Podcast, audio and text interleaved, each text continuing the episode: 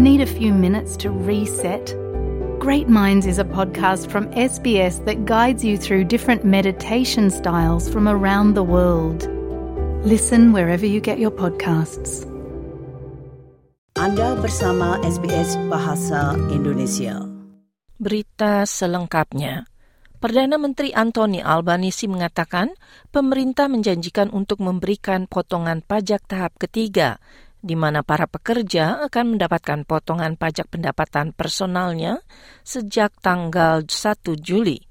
Hal ini dikeluarkan meskipun ada peringatan dari para ekonom mengenai dampak inflasi dan mendesak Partai Hijau untuk menghapuskan paketnya serat yang sebesar 313 miliar dolar. Potongan pajak akan menciptakan pajak single bracket bagi para pekerja yang berpenghasilan antara 45 ribu dolar dan 200 ribu dolar setahunnya. Para pekerja dengan pendapatan di atas 45 ribu akan diuntungkan dari potongan pajak. Namun bagi penerima pendapatan tinggi akan menerima keuntungan lebih tinggi lagi. Albanisi berbicara kepada radio ABC mengenai pemotongan pajak ini yang akan memberikan efek positif di tengah krisis biaya hidup dan tidak hanya menguntungkan bagi para pekerja dengan penghasilan tinggi. Uh, we think that uh, tax cuts, putting more money in people's pockets, uh, is a good thing. We have been responsible economically. We produced the first budget surplus in 15 years. Ia menambahkan, pertanyaan pemerintah yang dipimpin oleh Australian Consumer dan Competition Body sangatlah penting untuk menurunkan tekanan dalam harga-harga barang grosir. We're engaged in a war on inflation. Uh, Peter Dutton is engaged in a war against Woolworths, it seems, and largely one of the issues in this country is we have largely a duopoly of Woolworths and Coles. Uh, he seemingly wants it to be a monopoly. Meningkatnya pemerasan pada orang muda dengan menggunakan foto-foto mereka yang tidak senonoh akan menimbulkan peringatan bagi para orang tua dan wali, khususnya pada saat anak-anak akan kembali ke sekolah. Sextortion atau pemerasan seks merupakan tindakan di mana pelaku kejahatan berusaha membujuk korban untuk mengirimkan foto seksi mereka. Dan akhirnya, foto tersebut digunakan untuk memeras korban agar memenuhi keinginan penjahat tersebut. Kasus ini meningkat dan Kepolisian Federal Australia mengeluarkan peringatan akan kasus yang dapat mengakibatkan tekanan stres dan akhirnya berakibat buruk bagi para korban. Tuntutan mereka beragam, dari uang, desakan untuk mengirimkan gambar yang lebih lagi, atau bahkan layanan seksual. Sekitar 300 kasus di mana anak-anak menjadi korbannya telah dilaporkan secara nasional setiap bulannya. Menurut data terakhir AFP yang dipimpin oleh Badan Australian Center to Counter Child Exploitation, Kepala Kepolisian Federal Australia bagi eksploitasi manusia, Helen Snyder menjelaskan tanda-tanda pemerasan seks yang perlu diperhatikan oleh para orang tua dan wali, yaitu antara lain permintaan pertemanan dari orang yang tidak dikenal, atau berpura-pura menjadi teman anak, tiba-tiba bertanya pertanyaan seksual, atau menggunakan foto dari profil orang lain.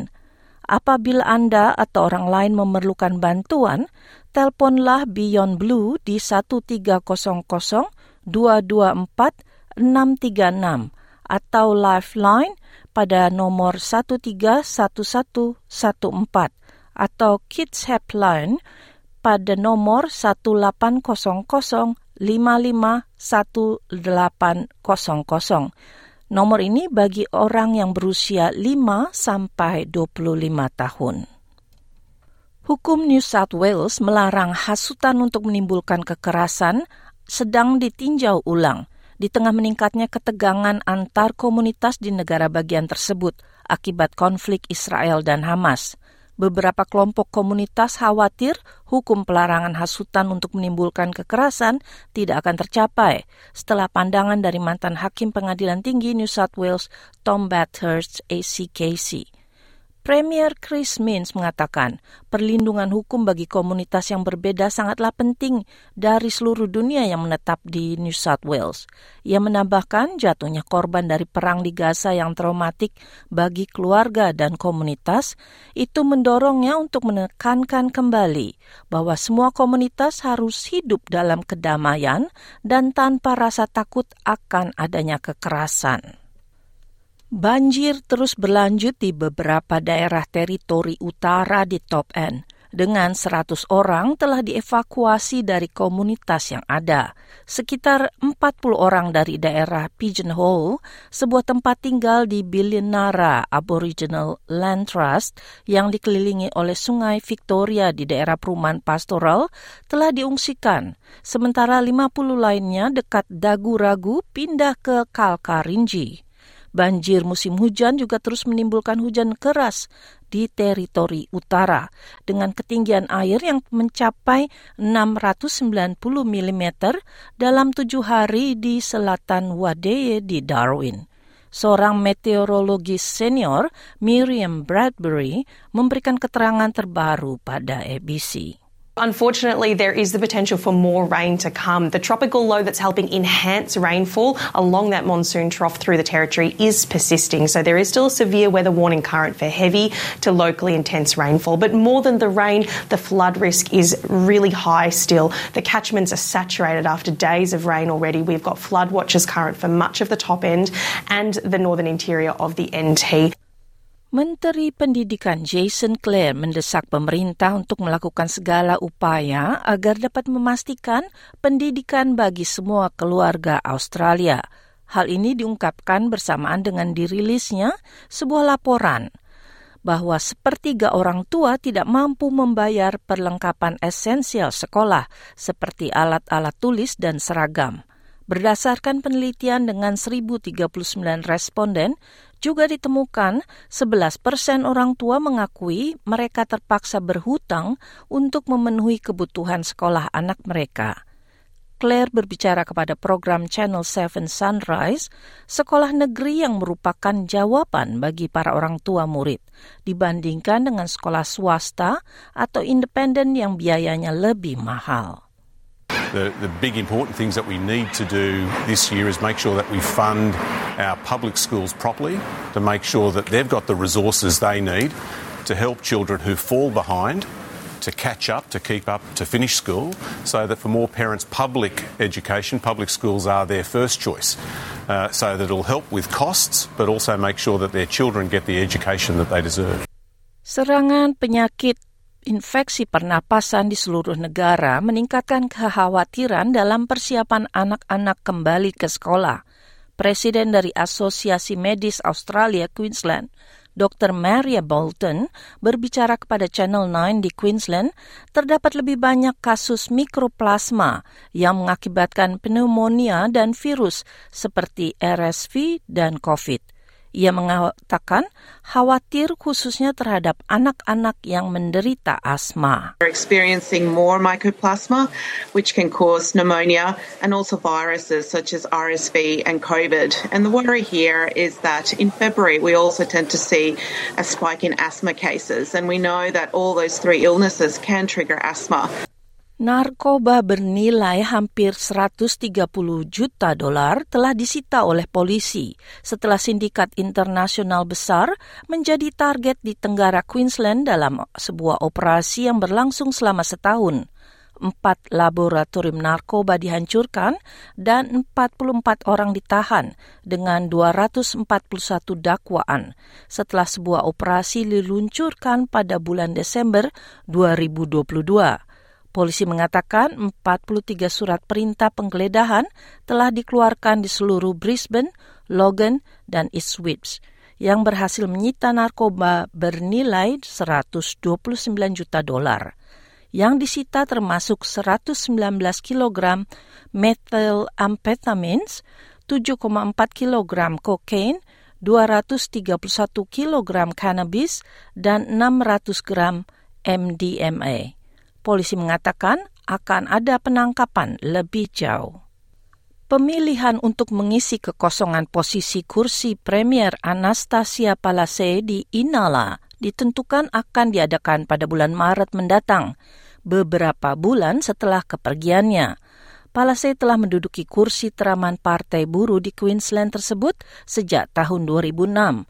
Meskipun ia telah menyelesaikan tugasnya sebagai anggota parlemen bagi Inala pada tanggal 31 Desember, Pengunduran dirinya yang mengejutkan tersebut terjadi beberapa minggu setelah menduduki posisi tertinggi tersebut hampir sembilan tahun. Para pemilih di wilayah pemilihan Inala akan menuju bilik suara pada tanggal 16 Maret bersamaan dengan pemilihan pemerintah lokal.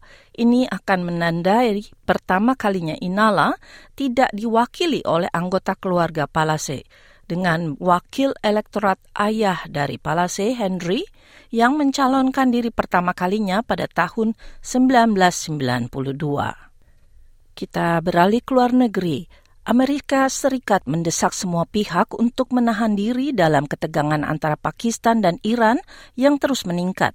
Pakistan telah melancarkan serangan terhadap militan pemberontak dalam wilayah Iran dalam serangan balasan dua hari setelah Teheran mengatakan telah menyerang kelompok lainnya dalam wilayah Pakistan.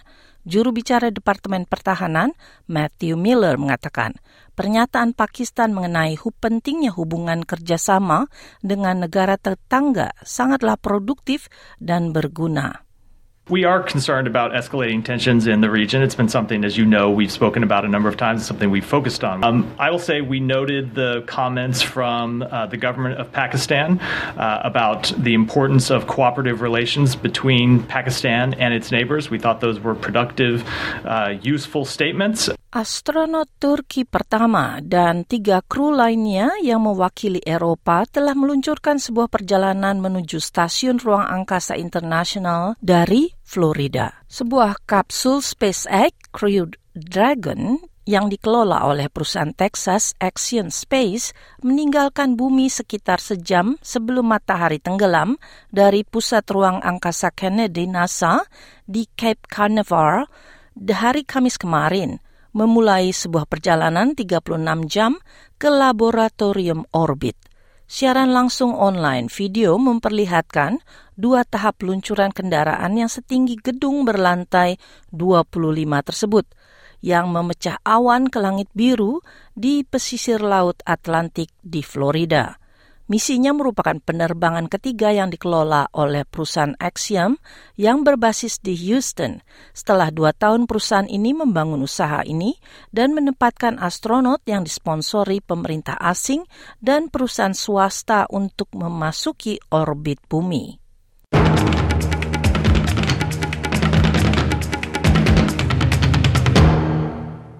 Baiklah saudara, kita beralih ke bidang olahraga tenis.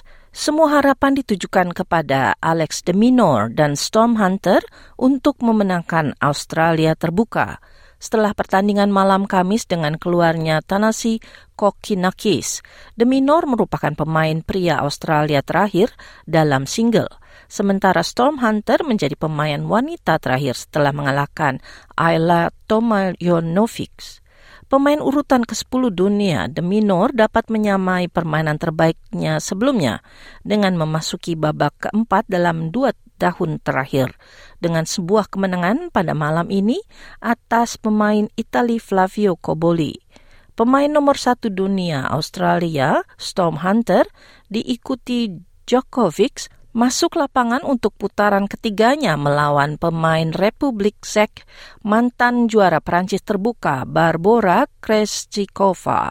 Baiklah akan saya sampaikan nilai tukar mata uang asing hari ini. Satu dolar Australia nilai tukarnya terhadap dolar Amerika sebesar 66 sen dan terhadap rupiah sebesar 10.284,15 sen dan terhadap euro sebesar 60 sen dan akhirnya terhadap pound sterling sebesar 52 sen. Baiklah, akan saya lanjutkan dengan perakhiran cuaca di kota-kota besar di Australia besok, Sabtu 20 Januari. Perth cerah 29 derajat Celcius, Adelaide sebagian besar cerah 32 derajat, Melbourne berawan 26, Hobart hujan 22, Canberra berawan 25, Wollongong berawan 26, Sydney berangin 27, Newcastle juga berangin 28, Brisbane hujan dan angin keras 29, Cairns hujan dengan angin keras 29, dan Darwin hujan disertai angin keras 31 derajat Celcius.